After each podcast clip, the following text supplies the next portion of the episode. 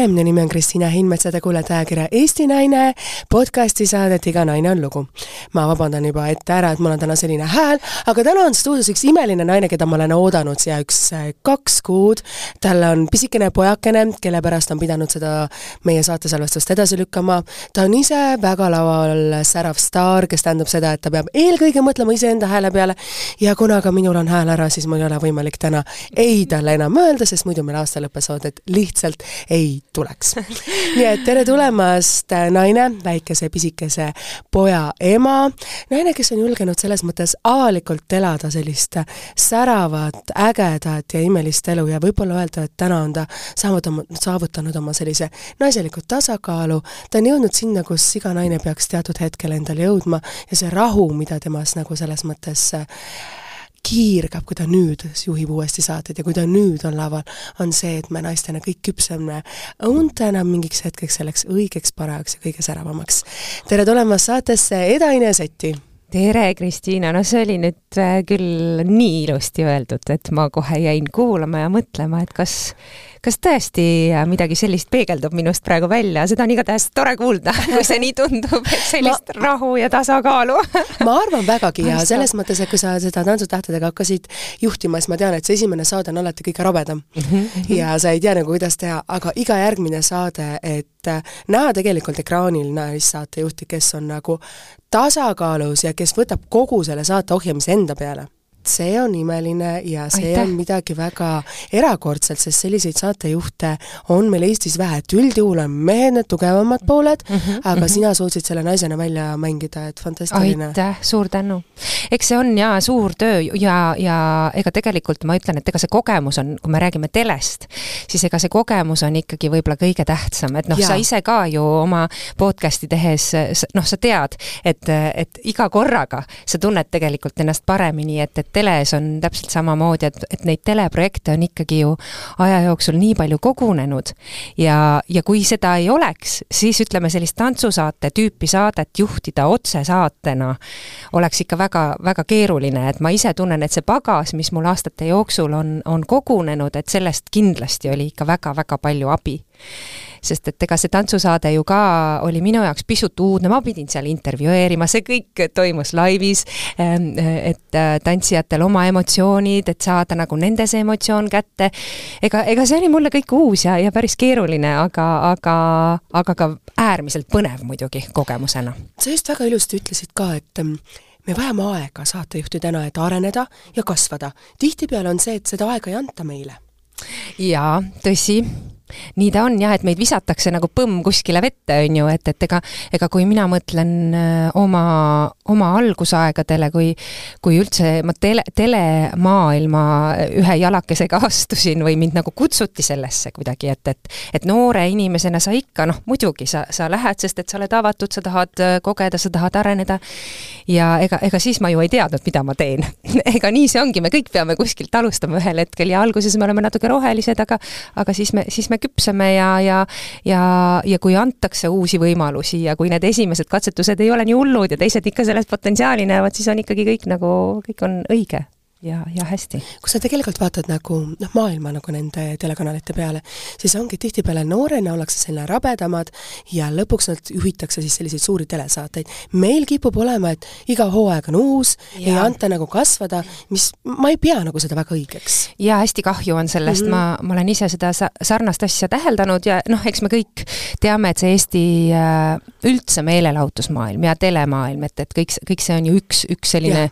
suur meelelahutusmaailm. ja samad ja. meeskonnad. et see on nii väike ja meie ikka see publiku arv on nii väike, et noh, rääkimata tänasel päeval on see ikka väga kahanenud televaatajatest rääkides, et see on ikka nagu kordades kahanenud, et kõik on kuskil Netflixis ja, ja Youtube'is ja kus iganes mujal. et, et et, et äh, nii see on, et väga hüplik ja heitlik on äh, telemaastik, et äh, ütleme, võib-olla jah, Rahvusringhääling on selle koha pealt nagu kõige konservatiivsem, et nemad mm -hmm. hoiavad nagu oma, oma saatejuhte kuidagi rohkem, et seal on kuidagi teistmoodi süsteemid, aga kui me räägime nendest nagu kommertskanalitest, mida meil on ju ainult praktiliselt kaks suuremat, eks ole, et siis, siis tõesti, et see no, on Reet Linna, selles vanuses ja. teha sellisel määral saateid, minu suur imetlus ja lugupidamine. minul täpselt sama, jah, et ta teeb seda nii särtsakalt ja ägedalt ja on nii omal kohal ja, ja kuidagi ongi, et igas ajas vaata, ta nagu liigub ajaga kaasa, ta on oma vaatajatega kogu aeg äh, nagu ühes, on ju, ja, ja, ja areneb, seda on õudselt lahe vaadata.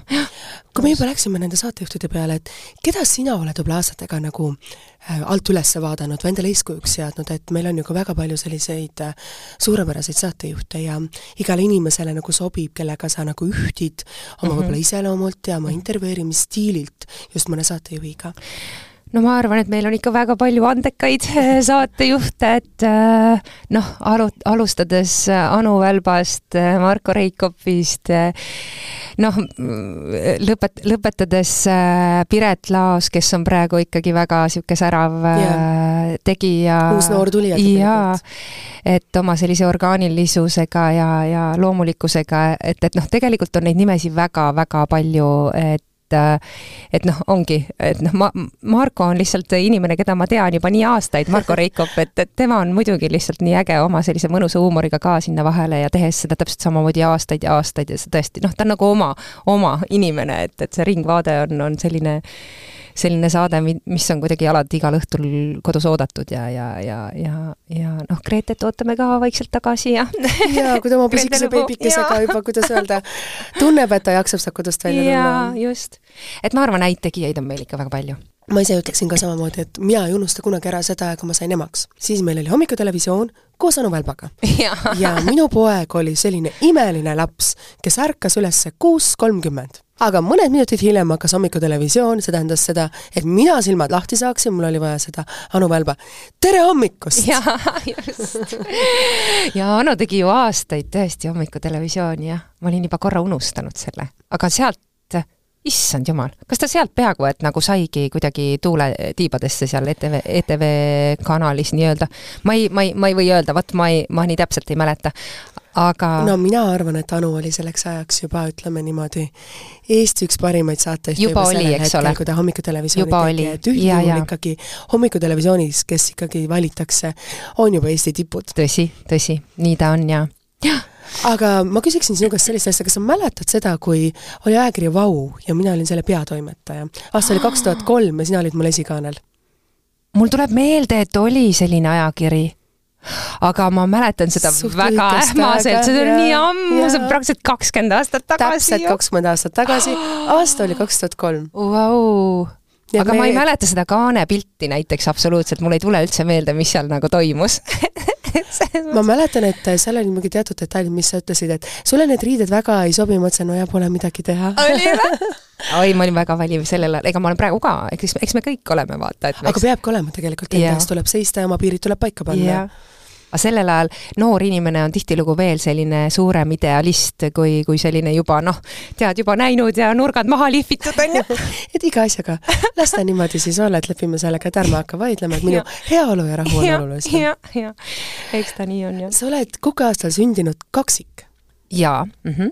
kas sa oled kunagi mõelnud nende sodiaagimärkidega, et kuna me teeme ka aastalõpusaadet, et siis tegelikult on ju äh,, me ikkagi loeme neid horoskoope, et mida järgmine aasta toob, meil on erinevad väljaanded, meil on ju suurepärane Kirsi Timmer, kes annab iga aasta oma seda taroskoopi välja, toob lausa kuupäevaliselt välja, mis, kus, kuidas, on ju, et selles mõttes nagu, kui palju sina horoskoopidesse usud? ma ütlen kohe ära, et eks ma olen mingitel perioodidel rohkem lugenud või rohkem süvenenud ja mingitel nendel perioodidel, nagu näiteks äh, juba viimased mitu aastat, kui ma olen, olen äh, kuidagi nii rakkes lihtsalt, siis ma ei loe praktiliselt üldse horoskoope, ei ole kuidagi seda aega või et kuidagi see reaalne elu on nii, nii kiire, et ei, ei tule seda hetke, aga ma olen, olen mingitel hetkedel lugenud küll, ma leian sealt äh, natukene tõde enda jaoks kindlasti, et ähm, muidugi, kui poeg sündis, siis ma, siis ma lugesin skorpionite kohta rohkem ta on skorpioni tähtkujust, siis ma ikka natukene äh, uurisin, et mis tast siis tuleb või noh, potentsiaalselt, mis, mis, mis tüüpi äh, laps võib sealt tulla, et aga, aga see oli jah, siis kui ma, siis kui ma veel alles ootasin teda, et nüüd ma ei ole jõudnud rohkem väga, minul väga tegeleda. minul on skorpionis poeg ja minu isa skorpion mm -hmm. ja mul on väga palju skorpionis sõbrannasid no,. ma võin öelda, et nad on väga truud Mhm. -huh. Nad hoiavad alati, kuidas öelda, enda inimesi. oi kui tore ja lapsena nad on, vähemalt minu poeg oli, nagu väike päikesepall ossa kui äge no aga mitte energiapall või? Mul on energiapall praegu, päikesepall on ka, aga no, energiapall on ka. energiapall käib üldiselt selle lapse, lapseks olemise juurde. Tõsi, tõsi, tõsi. kui palju sa oled ise mõelnud selle peale, et kukena, kuked on üldjuhul sellised uhked, nad on nagu üksi kõndijad, eneseteadlikud, sest sa oled andnud kunagi intervjuus öelnud juba, et sa teadsid lapsena väga hästi, sinule koorilaul ei sobi, sina tahad saada sooloartistiks. tõsi, jaa, hästi selgelt oli see tunne ähm, ma ei tea, kas ma nagu isegi mõtlesin, et ma tahan sooloartistiks saada, aga ma, ma tundsin, et et ma ei taha olla nagu teised ja see kooris laulmine on igav ja et noh, ma tahtsin ikkagi üksi nagu jah, selles mõttes äh, laulda ja mul oli see võimalus juba pisikesest peale ka, et eks ma selles osas olin võib-olla hellitatud, et, et kuidagi nagu ägedam oli üksi särada. ja siis, kui võib-olla tuli see ettepanek sealt kooli poolt ka kooris osaleda, siis mulle tundus see üldse mitte nii põnev enam ja aga eks ma olen suhteliselt iseteadlik küll ja ja, ja selline mingit oma rada sammuv äh, tegelane, et et selline mingi kindla, selline suunatunne on mul küll noorest peale juba kohe olnud, mida ma olen tahtnud teha, mida mul on meeldinud teha. et see, seda teed ma olen nagu ka läinud ja hästi palju enda sellist sisetunnet nagu kuulanud, et väga palju ei ole ennast võib-olla mõjutada lasknud kuka-aasta inimeste väga iseloomulikult ja isepärased sellised iseloomujooned siis ja, on ka sinus. võib-olla küll jah, võib-olla tõesti. ma ei ole ausalt öeldes nagu nii palju lugenud, mida see kuke-aasta nagu tähendab, rohkem võib-olla jah, kaksikuid äh,, kaksikute tegemistesse süüvinud, mida ma väga palju ka endas olen ikka tunnetanud, et mus on hästi palju isiksusi, et, et ühel päeval ma olen üks ja teisel päeval teine, et see ei ole ainult nagu kaks isiksust, vaid seal on ikka väga palju rohkem. et seda ma olen küll nagu tunnetanud, et, et see võib olla noh, kohati isegi väsitav, et et oledki noh, ühel päeval tunned nagu mingit ühte emotsiooni täiesti ja teisel päeval võib see kõik tagurpidi olla, et, et, et seda on küll. kaksikud on ju selles mõttes vahelduva meelega ja nagu sa ja. oled alati öelnud, et ma ei ütle kunagi jaa, ma tahan mõelda mm. -hmm ja tõsi, jaa, et tahaks nagu mõelda enne, kui nagu, kui kohe, kohe nagu äh, midagi ära otsustad. kaks peab mõtlema ühtepidi, teistpidi, kõik need läbi analüüsima, on ju. oma erinevad iseloomuhetked läbi, kuidas ta sellesse sobib ja siis ta langetab otsuse. jaa, tõsi väga-väga tõsi.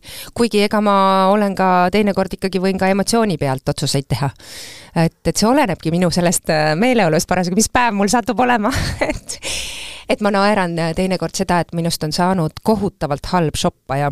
et äh, kunagi ma nagu isegi natuke nautisin poes käimist, aga, aga kuidagi see süveneb aja jooksul, see, see võimetus nagu otsustada, et noh, nii palju on nagu neid erinevaid mõtteid peas, et mis ma siis parasjagu olen, et ma ei suuda nagu poes lihtsalt, no ma ei suuda seda ostu sooritada, sest mulle tundub, ma mõtlen, et kas mul ikkagi on seda vaja, millega ma seda ikkagi kannan, ei, tegelikult mul vist ikka on midagi sellist. Ja kas ma ikka, kas mul ikka on vaja seda raha praegu kulutada, ühesõnaga ma ei ostagi, noh, me räägime riietest ja sellistest naiselikest asjadest, siis ma nagu olen kohutavalt halb nagu ostleja, et ma ei tea, kas see on nüüd kaksikute tähtkujuga kuidagi seotud või mitte, aga, aga millegipärast mul tekkis selline paralleel, et et võib-olla siin on ka mingi seos. mina pigem ütleksin, et tere tulemast naiseks saamise faasi, kus sul on oma riidekapp, kus sul on väga kindlad asjad, mida sa tead, kuidas sa kokku sobitad, iga hooaeg sa lisad paar asja, mida sa iga hooaeg võib-olla ka sealt elimineerid, mõne sellise neoonvärvi asjaga, sul on basic asjad, sest sa lihtsalt investeerid selle ajal lugemisse, teatris käimisesse, et sa ei hakka enam katsetama, et sul on oma kindel stiil välja kujunenud ja, ja arvestades ka sinu tööga, sa pead neid riideid niigi proovima. tõsi, ma arvan, et see ongi, et ühel hetkel tekib see väsimus, et et äh, ma pean nii palju mõtlema oma esinemistel ju alati, et mida ma selga panen, et see, see noh, see noh, ma olen nii palju pidanud sellega tegelema, et siis vabal ajal enam ei jaksa vist lihtsalt tõesti riideid proovida, et nii see vist on, seal on võib-olla isegi rohkem tõde, jah. ja emana, ega sa eelistad ju kõike muud, kui ilus ja särav välja näha. Jah, täpselt. Pole ju üldse aega endaga tegeleda, vahepeal ma nii naersin, et ei, õhtu on käes, ei, ma pole isegi hambaid veel pesnud, et see on nagu täiesti crazy. et mis levelile sa nagu no, lähed selle pisikese lapsekese kõrvalt, et, et aga noh, midagi ei ole teha, et, et see on periood ja, ja see tuleb, see tuleb üle elada ja, ja küll siis jõuab neid hambaid ka juba kenasti regulaarselt hommikul kenasti pesta kui me läksime juba lapse jutu peale, et sa ei ole väga palju rääkinud emadusest ja emaks olemisest, et sa said kaks aastat tagasi emaks sa oled olnud väga selline mõnes mõttes rambivalguses kõrval, ma arvan, teadlikult. et sa oled, või miks sa oled nagu selles mõttes selle otsuse langetanud, et kindlasti see oli beebi sinu jaoks nagu unistus? jaa, ma arvan, et pigem teadlikult ja pigem pigem nagu selles mõttes, ega see elu ei lase nagu nii kohutavalt käia kuskil igal pool ajakirjades, see on ju kõik aeg ja mul ei ole seda, et, et mul nagu selles mõttes see elu äh, ongi nii palju kodune ja siis, siis on vaja ka natuke töiseid asju teha ja lihtsalt noh, ei ole aega, et et ja, ja teisest, teisest küljest kindlasti ka teadlik, et ma, ma, ma üldse väga palju intervjuusi ei, ei anna, et kui ma annan ajakirjadesse või nii, et siis ma, no siis ma teadlikult teen seda võib-olla kas aastas korra kuhugi või, või, või mõnikord paar korda aastas, aga noh, pigem ikkagi suhteliselt harva, et, et, et äh, tänan, et sa siia saatesse tulid. jaa, mm. aga ma, mulle, mulle sellised podcast'i formaadid tegelikult meeldivad palju rohkem et mulle need kirja pandud intervjuud nii väga ei meeldi. et see tundub mulle alati nii kivisse raiutud, et äh, see kirjutatakse, trükitakse ja siis noh, siis see on seal kirjas ja siis ma olengi justkui nii öelnud. aga tihtilugu ikkagi nendes artiklites ei ole nagu seda päris emotsiooni, et, et siin podcast'is sa kuuled inimese häält, sa kuuled, kas ta naerab, kas ta lõkerdab, kas siin on mingi iroonia, et see kõik on kuidagi natuke niisugune easy m et ma, et ma päris emotsioon? nagu päris emotsioon, et ma eelistan kindlasti neid podcast'i versioone artiklitele, nagu kirjutatud artiklitele. podcast ju laseb ka selles mõttes inimesele rääkida, et raadiosaade, telesaade ju ka lõigatakse kokku no just, no jaa, seda ka, jaa. aga, aga ikkagi, et see selline, ma olen ise natuke niisugune lobiseja tüüpi, et, et, et sellepärast mulle meeldib niisugune inimeselt inimesele vahetu nagu kuidagi selline jutustamise formaat nagu jah. mis oli su esimene emotsioon, kui sa selle väikese pojakese endale sülle said? no see oli ikka väga, väga suur emotsioon, ilmselt minu, ikkagi minu elu kõige võimsam emotsioon, kahtlemata et sellist emotsiooni teist ma ei saa kõrvale panna. et ähm, et see jah, et see on nii kirjeldamatu, et see, see pisikene tegelane nagu ühel hetkel sa mõtled, et kuidas ta seal kasvab, sa tunned, sul on raske, sa kuuled ta südamelööke, sa kuuled, tunnetad ta liigutusi, aga, aga ikkagi, kui ta on lõpuks su rinnal, siis see on noh, see on kirjeldamatu emotsioon jah. et äh, üli-ülivõimas ülivõimas mis sa mäletad, et sa just rääkisid, et hambaid sa ei jõudnud pesta kindlasti mingi periood oma elus, et aga mis olid need asjad, mida sa naisena päris kiiresti omaenda elus tundsid, et sa pead muutma? no omaenda elus ikka ka tegelikult noh, kas nüüd ma pean muutma, aga kõik lihtsalt muutuski. et, et see pisikene inimene on lihtsalt number üks, eelnevalt äh, olin ma oma elu number üks isik. Et äh, mina ise, et et ma elasin tõenäoliselt ikkagi väga ähm, enesekeskset elu, noh loomulikult elukaaslasega arvestades, ühiseid plaane pidades ja nii, aga siis, kui tuleb, ähm, tuleb see väike laps, siis kõik see fookus äh, muutub ja, ja see fookus on sellel väikesel tegelasel, et, et et see tuleb hästi iseenesest, ma arvan tegelikult, aga mingil hetkel ka noh, kui, kui, kui ma juba piisavalt pikalt olin seal kodus olnud ja pisikese beebiga, siis ühel hetkel ikkagi ma tundsin ka, et ma noh, mus on potentsiaali ka ikka läbi põleda siin selle väikse lapsega, et ongi see, et sa noh, ma sain ju suhteliselt hilja lapse, ma olen ikkagi väga välja kujunenud isiksus, ma olen ikka harjunud oma asju tegema ja oma asju ajama, et äh, käima trennis või, või, või äh, oma esinemistel äh,, kontserditel, et, et noh, ennast nagu tööalaselt äh, pidevalt ka väljendama et aga ühel hetkel seda väga nagu niimoodi enam teha ei saa eh, nii lihtsasti. et, et ega, ega, ega mingil hetkel ma tundsin ka, et päris keeruline on ja et aga, aga siis, siis õnneks see mõistlik pool minust jälle saab nagu aru, et, et see on, see on periood, see tuleb üle elada ja, ja, ja, ja nii ongi, et, et need rõõmuhetked muidugi on alati ka need, mis kuidagi alati kompenseerivad neid keerulisemaid, keerulisemaid päevi või öid. Mis oli võib-olla sinu jaoks oligi kõige ros-, raskem nagu leppimine, sa ütlesid, et et neid asju oli nagu palju, aga mis oli võib-olla sinu jaoks just ütleme, sellisem kõige keerulisem asi, et iga laps on ka erinev, seega iga ema kogemus oma lapsega ja ka teise lapsega, järgneva lapsega on ju erinev. Mm. -hmm Äh, kõige raskem, noh, hästi klassikaline vastus muidugi kindlasti on magamatus, on minu jaoks võib-olla oli kõige raskem, sest ma olen tõesti väga suur magaja, terve elu olnud. ja ma vajan hästi palju und, aga, aga meil sattus ikka selline pojakene, kes noh, on ikka väga kehva magaja, nagu eriti kui ta oli veel täitsa beebikene, seal esimesed kuus kuud oli meil ikka päris keeruline ja, ja siis mingil hetkel tuli nagu selline mingi läbimurre ja äkki hakkasime natuke nagu magama ja, ja siis läks kõik jälle paremaks, aga see käib muidugi niimoodi lainetena, et eks neid magamatuse perioode on ikka väga palju olnud ja haigused ja kõik need asjad, eks ole, nagu need lastel on, siis nad ju magavad kehvasti ja siis siis, siis äh, emana magad sa samas rütmis nagu su lapski ja ja, ja, ja just see sügis ma ka nüüd tunnetasin, et äh, iseenesest ju laps on juba natuke suurem ja, ja see magamine ei ole nii keeruline enam olnud ja, ja täitsa okei okay., aga kuidagi need haigused ja siis ikka see unekvaliteet kehva ja siis mul on olnud tööasjad juba ka, et ikka see balansi leidmine ja, ja see on olnud päris korralik tegemine, et päevased lõunauinakud on osutunud ikka väga tähtsateks, et, et, et nii-öelda tagasi magada seda, mis ööl on, öösel on magamata jäänud ja et, et sellist jaa planeerimist ja, ja, ja, ja, ja ei no siin tegemist on ikka olnud kõvasti sa nii ilusasti kenasti räägid, et sa nagu korraldad oma elu oma siis nagu selle lapse rütmis ära aga kui sa mõtled selle nagu väikse pisikese peale, et, et kõigepealt oli see magamatus, siis tulid ju hambad. no täpselt, kogu aeg on midagi, kogu aeg on midagi. nüüd on haigused. jah et ega see ongi, et ja see on nii lahe, kuidas ümberringi ka tuttavad ja sõbrad kõik räägivad, ei noh, see jätkub kõik veel kuni koolini, et ei ole siin midagi, on ju, ja siis on juba, juba suuremad lapsed ja suuremad mured, on ju, et ega ja, siin kogu aeg jätkub äh, see teema. ja täna see on ju ta sul kaheseks saanud just äsja. see tähendab ka seda, et nüüd tuleb see kahese periood üle elada, ehk see mina. jah, just. aga hästi tore on, mulle tegelikult väga juba meeldib see periood, et me saame juba arutada, me saame juba natukene kokkuleppeid teha, noh, servast niimoodi, mitte alati, see oleneb päevast, eks, et et kuidas tal tuju on, et, et, et see iseenesest praegu mulle väga meeldib see iseteadlikkuse kasv jah, et, et see isiksus hakkab nagu välja tulema, et see on noh, mida oli muidugi juba varem näha, aga nüüd veel rohkem, et, et see on väga, väga lahe aeg iseenesest, samas on nagu veel beebi ikkagi ka natukene või niisugune armas, on ju, ja päris veel ei räägi, on ju, et, et ainult üksikud sellised lausekesed või lühikesed sõnakesed ja laused, et, et, et armas aeg on see praegu iseenesest, väga naudin. kas õuna värvib punaseks või siniseks? Ta ei, üldse on jumala kehv äh, värvi ja ma ütlen ausalt äh, välja, et, et äh, lemmikvärv on küll, mulle tundub sinine, sest et kõik autod ikkagi, noh, sinine, esiteks see sõna sinine on tal selge ja kui on autodest juttu, siis ta seostab seda kohe sinisega, et ikkagi jah. ikka poiss. ikkagi poiss vist jah, ikka täitsa poiss jah sa räägid ilusti, et sa oled kaks aastat selles mõttes hästi palju muudatusi teinud oma elus.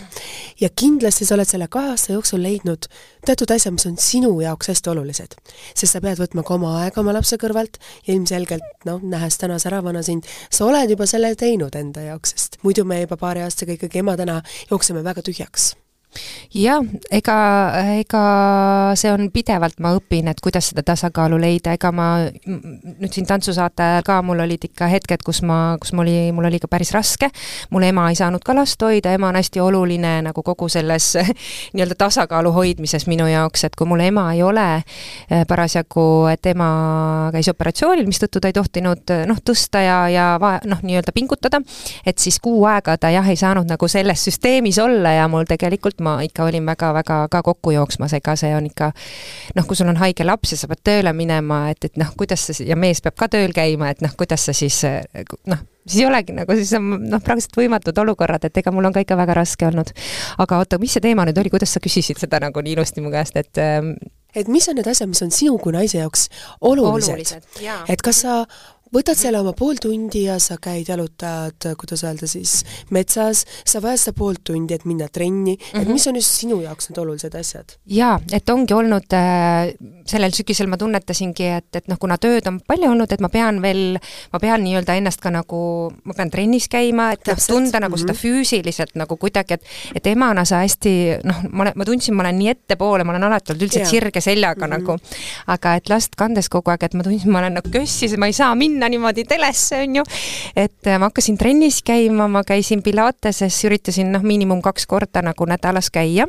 et see mõjus ülimalt positiivselt et isegi kui seda aega väga ei olnud, ma sain, ma leppisin kokku ikkagi või kui laps oli haige, et ikkagi, et siis mees hoidis ja ma, ja mina sain trennis käia, et äh, nüüd mul on jälle väike paus tekkinud küll, aga üldiselt ma sügisel regulaarselt käisin, sellel oli väga positiivne mõju et äh, see on kindlasti üks äh, minu asi, ma tahan uuel aastal kindlasti jätkata sellega, et trennis käia. aga teine asi kindlasti ikkagi äh,, ikkagi töö tegemine ka, et ikkagi see, et ma käin, annan kontserte et ma saan oma imearmsate bändikaaslaste, minu heade sõpradega kokku ja me teeme seda, noh, mida me kõige paremini teeme, muusikat, et äh, isegi kui ma jõuan öösel ja võib-olla siis on jälle natuke selline kehva öö ootamas, küll ma siis järgi magan, et tegelikult mulle on see vaimule hästi oluline, et ma saan käia ennast ikkagi loominguliselt väljendada. et, et äh, see kahtlemata ka väga-väga oluline mis saab veel nagu selles mõttes, et kui sa tunned näiteks, et laps on hot hetkes, et sa vajad emana korra kõrvale minna, et kuidas sa nagu neid olukordi lahendad, et mis sa oled nagu sina leidnud retseptina? jah, teinekord on päris keeruline, et sa ei saagi nagu jah, seda, seda ühte väikest hetke, on ju, et äh, laps võib olla jah, vahest nii intensiivne ja siis ta võib-olla nutab ja sa tunned, sa lihtsalt ei jaksa enam, eks aga teinekord ma noh, poiss on juba päris suur, et et ma ikkagi saan, et ma lihtsalt noh, jätan ta nagu mängima või ta siis, vahest ta jonnibki või nutabki, aga ma lähen noh, kõrval tuppa, on ju, selles mõttes uksed on ju lahti. Mm, -hmm. ja ma lihtsalt kas või korra lähen nagu eemale. Yeah.. et kui ta laseb, aga üldiselt ikkagi, kui mingi jonni selline tuur on peal, siis ta ikka natuke laseb ka. seda on ju vaja natukene pikendada ja, ja siis sa paned ukse vahelt kinni. ja, ja et äh, aga see on jah, selline kas või hetkeks, aga hästi olulisel kohal jälle on see, et näiteks kui, kui on nagu mees ka kodus, et, et ikkagi siis kas või tema saab korra üle võtta, kuigi enamasti, kui on selline jonni värk, siis ikka ainult see emme ju on see, keda lastakse ju ligi, et, et et no ega need on keerulised ja olukorrad, et ega mul mingit võluvitsa pole, et ma ei tea, olenevalt olukorrast kuidagi üritan kui palju, kui palju selles mõttes sind aidatakse teise poole poolt? jaa, ikka kenasti, et, et eks põhi, ma arvan, et noh, selline võib-olla põhikoormus ähm, on küll minu peal, aga, aga, aga samas ma ei saa öelda küll, et, et, et elukaaslane kuidagi ei osaleks või et ta on ikkagi hästi-hästi tubli ja kui ta tuleb koju, siis ta ikka alati mängib. et, et ta võtab nagu selle hetke teadlikult, et kui ta töölt koju tuleb, et, et tegeleda lapsega ja, ja siis lapsel tuleb ka kohe selline see esimene suur noh, see rõõm, et kui isa tuleb koju, on ju, et siis ta saab kohe nagu selle rõõmu nagu maha laetud, kui isa temaga koheselt mängib. ja siis saab juba edasi toimetada rahulikult, et, et, et ta on ikka hästi-hästi tubli, ma ütleksin, ja aitab söögi tegemisel ja, ja ja kõik sellised asjad, et rääkimata organisatoorne pool, milles, milles, milles ta on väga tugev, et, et, et ikka väga suur abi on. mida te küll, mida teil meeldib koos siis süüa teha? Issand, no meil on ainult lihtne menüü, kui me räägime lapsetoidust, et seal midagi keerulist ei ole. sa mainisid, et sul ähm, äh, mees teeb kodus süüa? aa, seda ka, jaa. kas te kokkate koos, et see on tänapäeval väga positiivne ja tervit-, tervitatav ja..., kuidas öelda, asi, et see tekkis koroona ajal ja mm -hmm. perekonnad, naised-mehed hakkasid koos kokkama, et see on midagi nagu ühist? me ei ole, ma ütleks, väga suured kokkajad tegelikult kumbki, aga nüüd on ette tulnud tõesti, et vahest on nii, et ta teeb, äh, tal on mingi oma retsept, äh, selline maitsev liha, mida ta siis hautab seal pikalt ja siis mina teen mingid juurikad ahjus, ühesõnaga, et et me suudame ikkagi ka kahe peale midagi teha, kuigi enamasti ikkagi on kas tema teeb või mina teen, et, et kui siis mina aitan mingi salatiga või nõnda praegu me mõtlesime, et äh, jõuluajal, kuna äh, meie pere jõulud äh, toimuvad minu venna pere juures, siis jaotati jälle ülesanded ära, et meie pere peab siis tooma mm, magusa. siis me mõtlesime, et võib-olla elukaaslane mul teeb väikse õunakoogi, tal on üks retsept, mida ta oskab, et siis ta wow,, siis ta ütles, et ta võib-olla teeb selle õunakoogi, et noh, vaatame siis, mis meil sellest välja tuleb, kas meil jääb selleks aega. no loodame. no isetehtud õunakook, olenemata, kas ta maitseb või ei maitse, kui mulle keegi meesterahvas peaks tegema siis ta mu südamega võidab. ja, ja, ja see on väga hea unakook, ma olen seda saanud, ta on varasemalt ka teinud, et, et väike jäätisepall peale ja soojalt ahjustunud, no super, klassika. sealt sai süda siis, kuidas olnud ära võluti? selliselt no ma ei ütleks, et meil söögi tegemisega mingi seos oleks olnud seal alguses aga mis oli see asi võib-olla, mis sind nagu võlus äh, tema juures kõige rohkem, et sa oled küll andnud selles suhtes intervjuud, aga midagi kindlasti on midagi erilist, sellist, äh, igal paaril on oma selline intiimsed hetked, mida, mis tegelikult seovad rohkem, kas või see, et koos meeldib Netflixi vaadata või midagi sellist, mis on ainult teie oma, mida keegi ei näe. No ma ei tea, jah, ma arvan, et meil oli pigem nagu see, et meil oli algusest peale nagu mõnus teineteisega olla, et meil kuidagi meil oli äh, hästi tore lobiseda, meil nagu jutt jooksis, meil ei, aeg nagu lendas.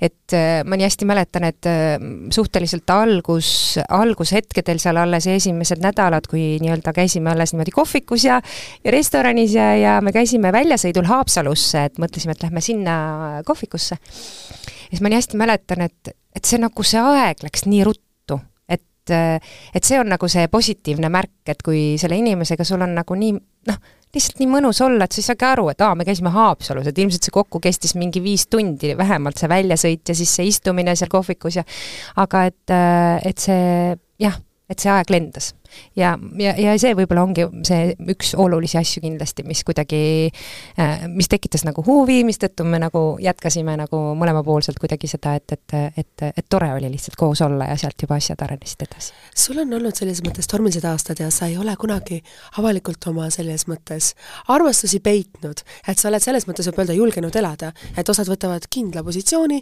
ma ei räägi oma armastusest, vaid et sa ei ole selles mõttes peitnud oma tundeid, oma asju, mis on tegelikult tegelikult noh, inimesed on erinevad selles mõttes ja sa oled julgenud seda teha, mis on mõnes mõttes nagu ma arvan, tervitatav, et me ei tohiks midagi oma elust nagu varjata, aga tänast suhet sa nagu hoiad nagu mõnes mõttes pallina tagasi, et see on nagu ainult sinu jaoks, et kas ongi nagu see, et, et sa oled küpsemaks saanud või ongi, sa nagu tunned, et et sa oled nii palju olnud avalikkuse ees, et see on nüüd nagu sinu hetk ja sinu, kuidas öelda, selline turvatsoon tead, ega ma tegelikult, ma ei, ma ei julgeks öelda, et ma väga palju olen oma suhetest varasemalt rääkinud, kui siis võib-olla noh, täiesti verinoorena.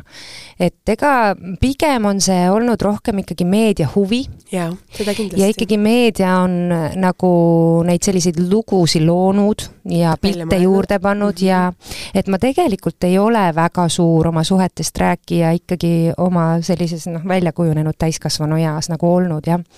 et aga noh, võib-olla ikka servast, noh, küsitakse natuke ikka vaata vastad, on ju, aga, aga, aga pigem ma olen ikkagi juba päris, päris mõnda aega olnud jah, seda meelt, et et ma pigem räägin nagu vähem, et asjad niikuinii lähevad nagu omasoodu, et, et, et jah et kuidagi teadlikult võib-olla tõesti ma väga, väga palju oma eraelu nagu välja ei laota, aga ega ma nüüd mingit tohutult ka tagasi hoia, lihtsalt näiteks Gustaviga seoses, lapsega seoses ma olen küll selles mõttes otsustanud, et ma, ma teda nagu piltidele praegu ei too, et noh, mingid sellised otsused ma küll teen jah, et, et ma, ma olen nagu mõelnud, et, et ma tahan, et ta kasvaks natuke suuremaks, et ta oskab juba ise öelda, et jaa, emme, ma tahan tulla sinuga pildi peale, et, et, et noh, mingeid asju ma nagu hoian natuke küll, et eks ma olen natuke ettevaatlik küll meediaga, eks ma olen oma, oma selliseid äh,, oma selliseid äh, haavu äh, varasemast ajast saanud kindlasti. et ma arvan küll, et, et ma olen natuke võib-olla jah, ettevaatlikum võib-olla kui mõned teised inimesed meediaga suheldes, jah. eks see ole ka selles mõttes, et me kasvame vanemaks ja, ja. me juba teame, kuidas öelda, hakkama saada teatud situatsioonidega, kui sa astud ja. olukorda või miini otsa mm, -hmm. mida sa ei osanud ette näha tegelikult. täpselt, jaa. et eks see ettevaatlikkus tuleb ajaga, tõsi, jah mis on olnud sinu elus murdepunkt naisena? et nagu ma ütlesin, sa oled olnud avalikkuse ees ju tegelikult verinoorest peale alates siis nende ETV lastesaadete raames, kui sa siis osalesid seal nendes lastesaadetes lauljana, see on ikkagi mõnes mõttes juba tuntus, kas või kas või kohalikul tasandil sul kindlasti juba, kuidas öelda, seesama pisike kohakene, kus sa sündisid ja kasvasid. no täpselt, et see, sa olid ju kohe üle ju mõnes mõttes kuulus. ETV oli ju tollel ajal ka hoopis teiste vaadatavustega ja see põhitelekanal. et et kui sa vaatad nüüd nagu, mis on olnud sinu jaoks võib-olla sellised murdepunktid elus naisena, kus sa oled võib-olla tundnud seda jõudu ja tuge, et vot nüüd ma keeran teise lehe, kas neid on olnud sul selliseid? Oh, eks neid on ikka, ikka olnud, et kui palju ma muidugi neid mõtestanud olen, on teine asi, et ega ma, ma selliseid tohutuid kokkuvõtteid ei ole jõudnud veel kuidagi teha, võiks kindlasti ühel hetkel mõelda sellele, aga, aga ma arvan, et on ikkagi paljuski seotud muusikaga minu jaoks olnud, et, et et ma hästi palju ennast olen defineerinud läbi oma töö ja läbi oma muusika ikkagi. et et, et ühel hetkel ma arvan, see enesekindlus, mis mul tekkis võib-olla kusagil seal kahekümne viie, kahekümne kuuendal eluaastal, et ise luua muusikat, julgeda seda nagu välja panna, et, et et et see oli kindlasti hästi tähtis ja väga selline murdeline, et see enesekindluse kasv, ma arvan, loomingulises mõttes, et see, see, see oli, ma arvan, väga tähtis.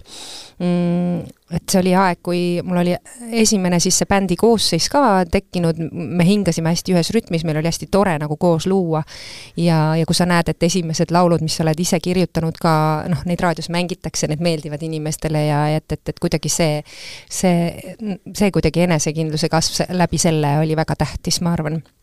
Aga, aga, aga eks neid teistmoodi murdepunkte on ka olnud, et, et, et seesama esimene bändi koosseis lagunes ühel hetkel, et osad bändiliikmed läksid edasi teise muusikuga ja, ja, ja teises bändis, et siis ma mäletan, ma, mul oli ka päris raske kuidagi, see, ma ei tea, kui palju see on naiselikkusega seotud, see on nagu see selline see on see sellise töötava naise nii-öelda läbielamised, on ju. et, et, et see pani mõtlema, et mis, mis on elus tähtis ja kuidas hoida seda, mis, mis sul võib-olla on käes, aga, aga mis, mida sul ühel hetkel ei ole et tänulikkus. jaa, tänulikkus äh, selle eest, mis, mis sul on ja oskus kuidagi hoida ka. et äh, jaa, et jah, eks neid ja murdepunkte on palju olnud kui niimoodi mõtlema hakata, ma peaks kohe pikemalt ise tõenäoliselt seda analüüsima enda sees. mingil hetkel su elu oli seotud Portugaliga? jaa ja ma tean, et sina käid Portugalis ka. täpselt, ma sellepärast ütlesin, meil on veel midagi ühist mida sa ise mäletad sellest perioodist ja mis sind nagu selle maa juures nagu võlus ja äh, ka kindlasti ma arvan, sa õppisid väga palju sellest ühiskonnast mm -hmm, ja ma arvan mm -hmm. väga palju mida sa tegelikult meie juures hindad, sest noh, see, et suhted, mis on Eestis ja mis on seal, need on nii teisel tasandil, et need on väga raske tegelikult kirjeldada, mida me tegelikult naistena õpime. mida me tegelikult väärtustame, seal on väärtused väga paigas. jaa, ei no Portugal on ülikihvt, noh Lissabon on nii, niivõrd ilus linn, et äh, ma olin Lissabonis enamasti, kui ma seal käisin ja, ja et noh, see on ülilahe maa lihtsalt, et mul on väga positiivsed mälestused Portugalist.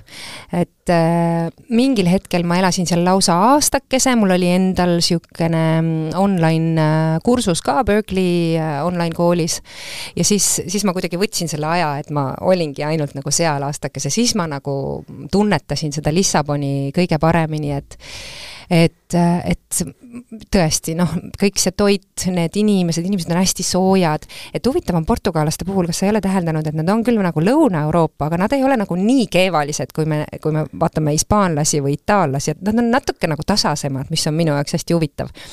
et äh, aga samas muidugi ne-, neis muidugi on see, see keevalisus ka peidus, aga nad on kuidagi pisut hoiavad seda rohkem minu jaoks nagu vaka all, kui ma niimoodi võrdlen neid Lõuna-Euroopa riike.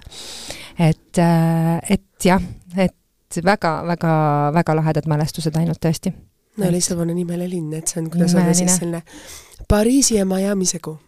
oh, väga huvitav huvitav point, no nüüd ma ei ole nii ammu käinud, ma arvan, ta on nii palju tänaseks päevaks jälle muutunud, et, et et sina oled nüüd värskelt käinud, on ju, et sa kraanad on püsti ja seal ainult ehitatakse, seal on täiesti ja. nagu ehitusbuum, seal on selles mõttes täiesti nagu ja see arhitektuur kohe... Lissabonis, issand, no see on nagu noh, tõesti uskumatu tase, no see on, see on teada, et Portugali arhitektuur ongi nagu väga kõrgel tasemel, sealt tuleb väga palju häid arhitekte, aga tõesti, et seda on nagu linnapildis näha, kuidas see vana ja uus arhitektuur nagu kokku saavad ja seda nagu kuidagi nii maitsekalt ja nii sujuvalt, et noh, hästi ilus linnakeskkond. disain on seal oluline kõikide inimeste jaoks, et see on ja. hästi naljakas, et ja. olenemata noh, milline elustandard sul on või kuidas sul on, siis ja. see, et sa oled disain, on nii oluline. on, tõesti et nad on hästi maitsekad ja, ja ongi, et muidu nad on ju hästi vaoshoitud oma yeah. riietuses, eks, noh, eks seal on ka kõike, aga üldiselt, kui me räägime nagu Lissabonist ja selle elanikest enamasti seal, siis, siis, siis on jah, pigem on niisugune vaoshoitud stiil, aga, aga samas kõik on hullud sellised disainiinimesed, mis puudutab arhitektuuri ja sellist sisearhitektuuri ja, ja kõik, kõik see on viimase vindi peal. ja minu jaoks on üllatav, et isegi mehed on seal rohkem disaini, kuidas öelda, sellised fännid või või see, kui te teete õhtusööki ja ta katab laua. mees katab laua. ja et ma mäletan, kui mulle seda esimest korda tehti, siis ma tulin oma salatikausiga ja siis mulle valus, vajus see suu lahti. jah, ja, ja, ja, jah, on, on, et ja noh, ikkagi katolikumaad üldse mm,, kuidas nad oskavad nagu oma neid peretraditsioone hoida, kuidas need pered hoiavad kokku, see on ka hästi-hästi tore. et mida mina ka seal nägin, et tõesti, et, et noh, isegi kui need suhted võivad olla seal noh, ikka on mingeid raginaid ja värke, aga noh, ikka saadakse kenasti laua taga kokku, kui on pühad ja, ja olulised hetked ja, ja see on tegelikult austus jah, austus jah et see, see pigem ongi selline kasvatus. täpselt. kas-, kasvatuslik ja, selline kasvatus, generatsioonide pikkune austus mm -hmm, üksteise vastu. austus, jaa. et isegi noh, mina, mida mina ka märkasin, et kui seal ongi näiteks poja ja isa vahel on noh, selliseid pingeid, mida ju tihti on. kõikides peredes on, et see on üks osa elus. jah, et siis sellest nagu ollakse ikkagi üle, kui on need tähtsad hetked ja, ja kuidagi hästi jah, kenasti saadakse hakkama aasta kaks tuhat kaks kui sa mõtled nüüd sellele tagasi, mis oli võib-olla midagi, mida sa kindlasti jätad enda mälusse ja võib-olla on ka mõni hetk, mida sa tunned, et okei okay,, see nüüd läks sinna delete ida asjade, delete itud asjade juurde. kaks tuhat kakskümmend kaks, jah? kaks tuhat kakskümmend kaks, mhm. me jõuame kohe aastani kaks tuhat kakskümmend kolm veel yeah. hetke pärast. meil oli tiigriaasta, tiigriaasta kohta öeldi, et tiigriaastal tuleb teha tiigrihüppeid mm.. issand. mis on olnud sinu tiigrihüpped? No ma arvan, et ega see sügis oligi minu tiigrihüpe, et ma sain äh, kuidagi, et ma sukeldusin uuesti töösse täie hooga, et see oli küll raske, aga ma sain hakkama enam-vähem.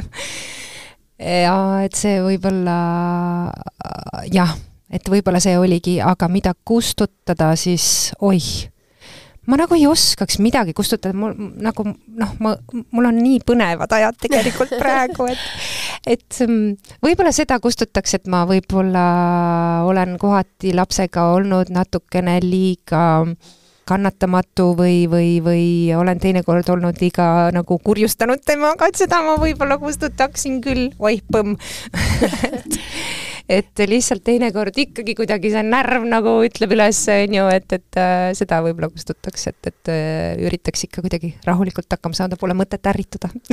Absoluutselt, selles ma olen kindel, et usu, et esimesega sa ärritud, teisega on juba selline nagu no juba võtad rahulikumalt, kolmandaga sa ei pane tähele, et lõpetasid nüüd nutmise, väga tore, nüüd me räägime ilusasti edasi.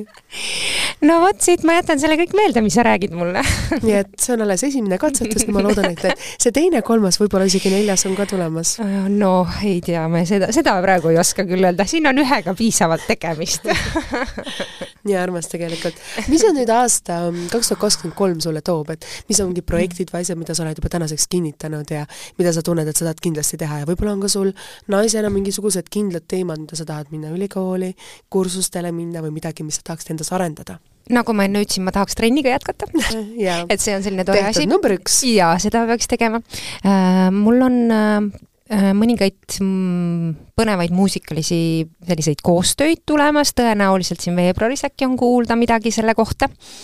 et üks, üks selline tore koostöö, ma loodan, et siin midagi küll viltu veel ei lähe, aga, aga, aga üht-teist, üht-teist on soojas ja, ja, ja muusikaliselt äh, on päris palju selliseid äh, hetkel läbirääkimisi äh, toredate kontsertsarjade osas, et, et, et vaatame, kas äh, saame kenasti kokkuleppele, aga aga ma arvan, et tööalaselt ja muusikaliselt saab mind näha päris, päris palju.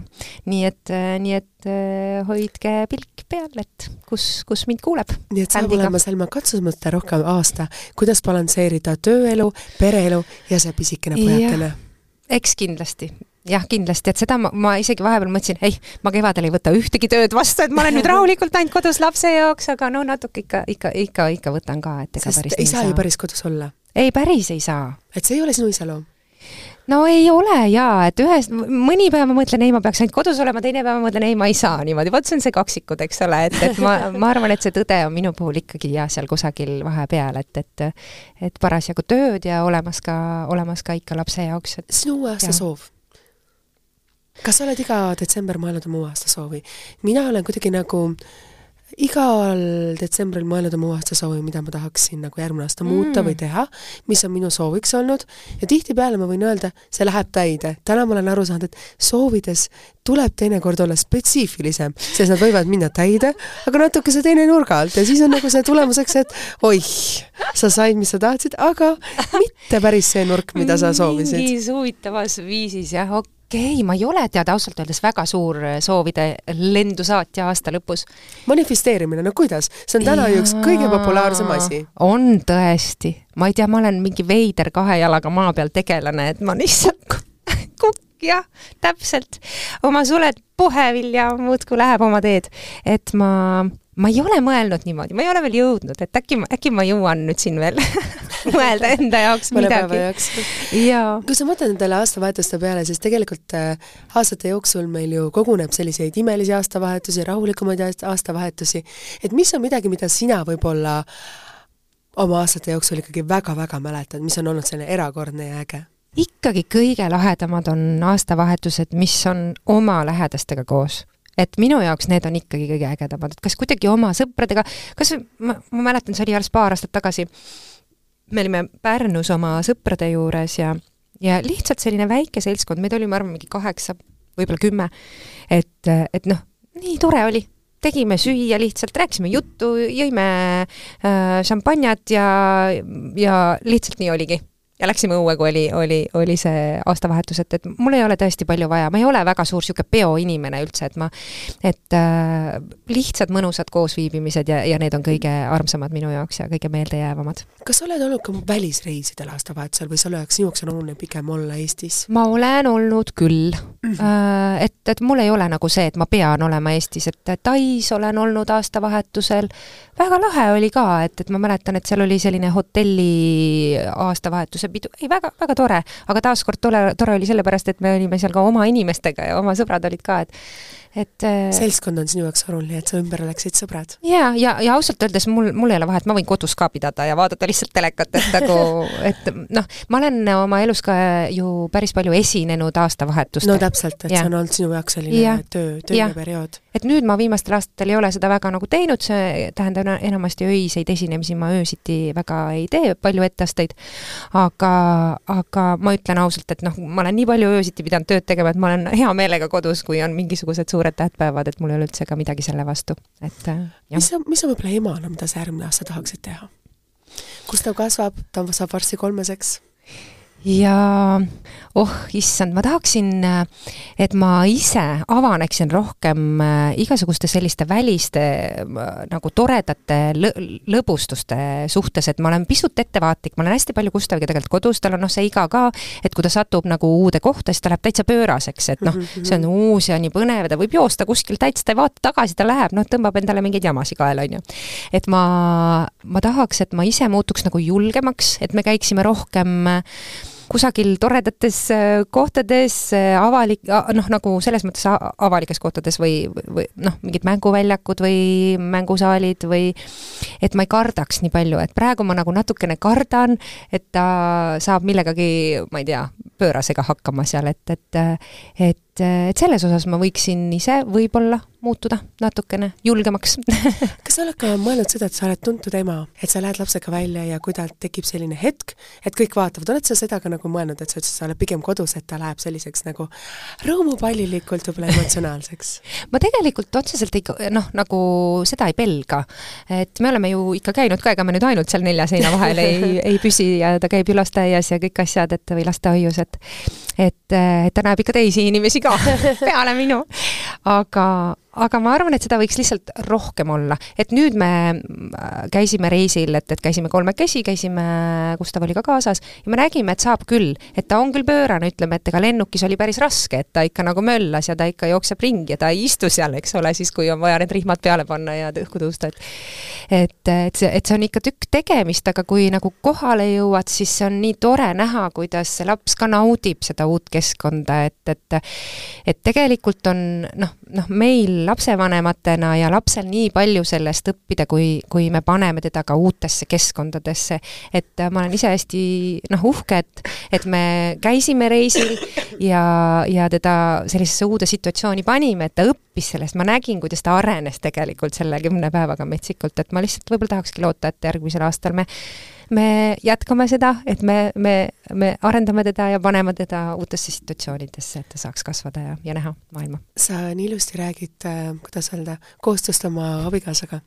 jaa, jaa, elukaaslasega, jaa. elukaaslasega, et ähm, kas sa oled mõelnud, et mis on need väärtused, mis teid omavahel seob? sest ühe lapse kasvatamisel on hästi olulised ühised väärtused et kui üks lubab ühte, teine lubab teist, siis lapsel mm -hmm. tegelikult tekib segadus. et ta ei tea, kas ta kuulab ühte või teist mm. -hmm. ja hästi oluline, et kui üks otsustab midagi, et teine toetab ja, ja. et kas te olete ka need juba oleme tähele pannud. ja me ei ole otseselt paika pannud, aga me näeme, et, et on mingeid kohti võib-olla, kus me peame ka tähele panema seda, et me teineteisele vastu ei räägiks. Ja üldiselt me mõtleme suhteliselt sarnaselt, mulle tundub et äh, on teatud reeglid, me mõlemad oleme ikkagi need lapsevanemad, kes tahavad, et, et lapsel on reeglid ja et, et ei ole sellist täitsa vaba, vaba kulgemist ja et äh, selles osas me oleme nagu sarnased, et see, võib-olla küsimus on detailides seal lihtsalt, et kellele nagu noh, et mi, mis hetkel, kuidas, kuidas siis nagu, kui, kui karm olla või, või kui, kui, kui täpselt neid reegleid paika panna, et me, me oleme suhteliselt sarnased,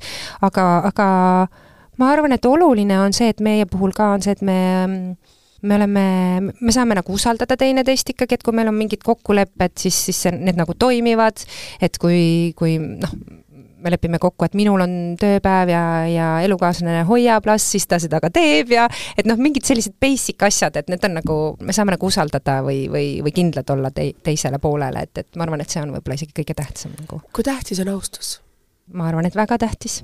ja kindlasti laps ka märkab seda et teinekord me kindlasti oleme noh, tagasi vaadates sellele aastale, ega väga närvilisi hetki on olnud, et tõesti ongi see magamatus kuhjub ja kõik, et noh, kumbki pole eriti maganud, et kindlasti meie vahel on mingisuguseid selliseid pingelisi hetki ja pingelisi päevi ja minu arust laps kohe märkab seda tegelikult, et ta on ka minu arust siis selline ärevam ja, ja, ja ta on ka natuke jonnib nagu rohkem ja et, et selles mõttes, et nii kui me ise oleme sellised normaalsed ja rahulikult kulgevad täiskasvanud inimesed, siis ta, siis laps on ka kohe parem laps minu arust.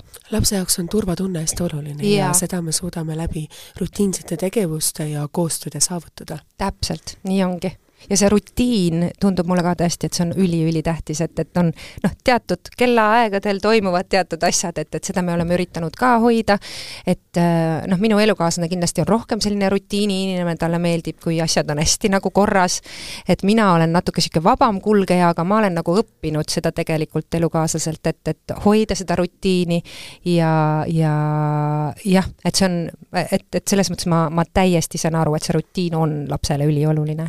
Et see on mulle ka kasvamise koht olnud, et hoida nagu tegelikult selliseid kellaaegasid täpsemalt ja sa nii ilusti ütlesid, et sa oled õppinud seda seda oma elukaaslaselt. jaa, paljuski olen küll jah, just. mis on sinu jaoks armastus? teeme saate viimase küsimuse. armastus, ohohoo, see on ikkagi väga suur tunne ja ja tegelikult, kui ma mõtlen, et, et äh, võib-olla selline see kõige suurem armastus minu jaoks ongi armastus, mis saab olla lapse ja ema vahel. et või lapse ja isa vahel, siis miks mitte.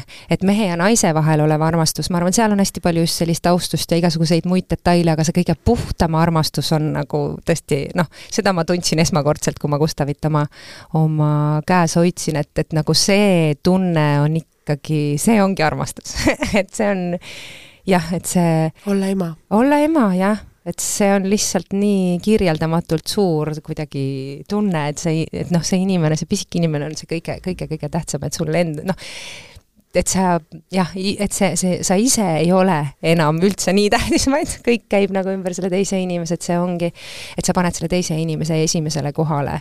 et äh, võib-olla paarisuhetes see on selline kõikuv, eks ole, et, et teistmoodi aga, aga, aga armastusel on mitu nägu ju. armastusel on mitu nägu, tõsi aitäh sulle, Ines, et sa siia saatesse tulid, aitäh teile külalised, ma loodan, et mu hääl ei ole nii hirmutav. üldse, täitsa nagu mõnusalt kähedalt kõlas täna nagu meesterahvana tegin saadet, aga noh, teinekord võib-olla ka seda ka lubada. saab. aitäh sulle, Ines, veel kord, et sa siia saatesse tulid, aitäh teile, külalised, kes te kuulasite seda saadet. soovin teile kaunist aastavahetust, palju ilutulestikku, šampanjaklaase ja armastus seda kõige erinevate nurkadega teie kõigi südametesse ilusat aasta lõppu kõikidele minu poolt ka! ilusat aasta lõppu teile kõigile ja saade on ikka kuulatav Tasku Delfi keskkonnas, Spotify's ja väga erinevates teistes platvormides. aitäh teile ja head aasta lõppu veel kord!